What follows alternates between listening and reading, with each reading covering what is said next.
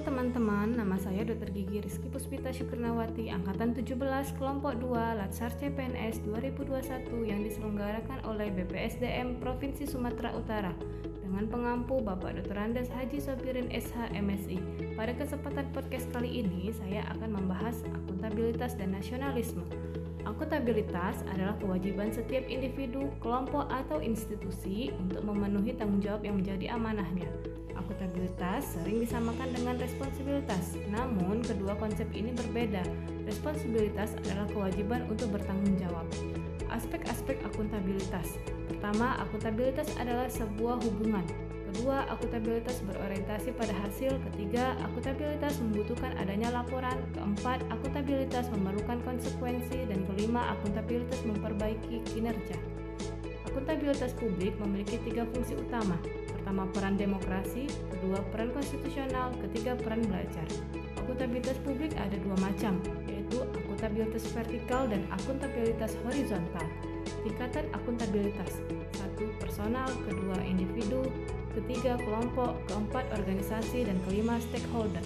Mekanisme akuntabilitas seperti satu akuntabilitas kejujuran dan hukum, kedua akuntabilitas proses, ketiga akuntabilitas program, keempat akuntabilitas kebijakan. Alat akuntabilitas ada tiga.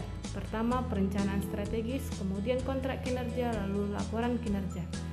Menciptakan lingkungan kerja yang akuntabel memiliki beberapa aspek, yaitu kepemimpinan, transparansi, integritas, tanggung jawab, keadilan, kepercayaan, keseimbangan, kejelasan, dan konsistensi.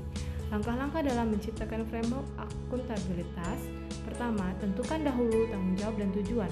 Kemudian, rencanakan apa yang akan dilakukan untuk mencapai tujuan. Lakukan implementasi dan monitoring kemajuan. Berikan laporan secara lengkap dan berikan evaluasi dan masukan perbaikan. Nasionalisme Nasionalisme adalah suatu sikap politik dari masyarakat suatu bangsa yang mempunyai kesamaan kebudayaan dan wilayah serta kesamaan cita-cita dan tujuan. Dengan demikian, masyarakat suatu bangsa tersebut merasakan adanya kesetiaan yang mendalam terhadap bangsa itu. Nilai-nilai nasionalisme Pancasila bagi ASN Pertama ketuhanan, kedua kemanusiaan, ketiga persatuan, keempat kerakyatan, dan kelima keadilan. Prinsip-prinsip nasionalisme Pertama, hasrat untuk mencapai kesatuan, kedua, hasrat untuk mencapai kemerdekaan, ketiga, hasrat untuk mencapai keaslian, dan keempat, hasrat untuk mencapai kehormatan bangsa.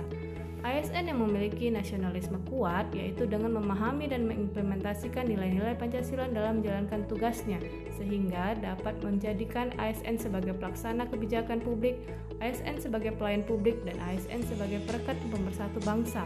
Diharapkan ASN mampu mengaktualisasikan wawasan kebangsaan dan jiwa nasionalisme dalam menjalankan profesinya sebagai pelayanan publik yang berintegrasi.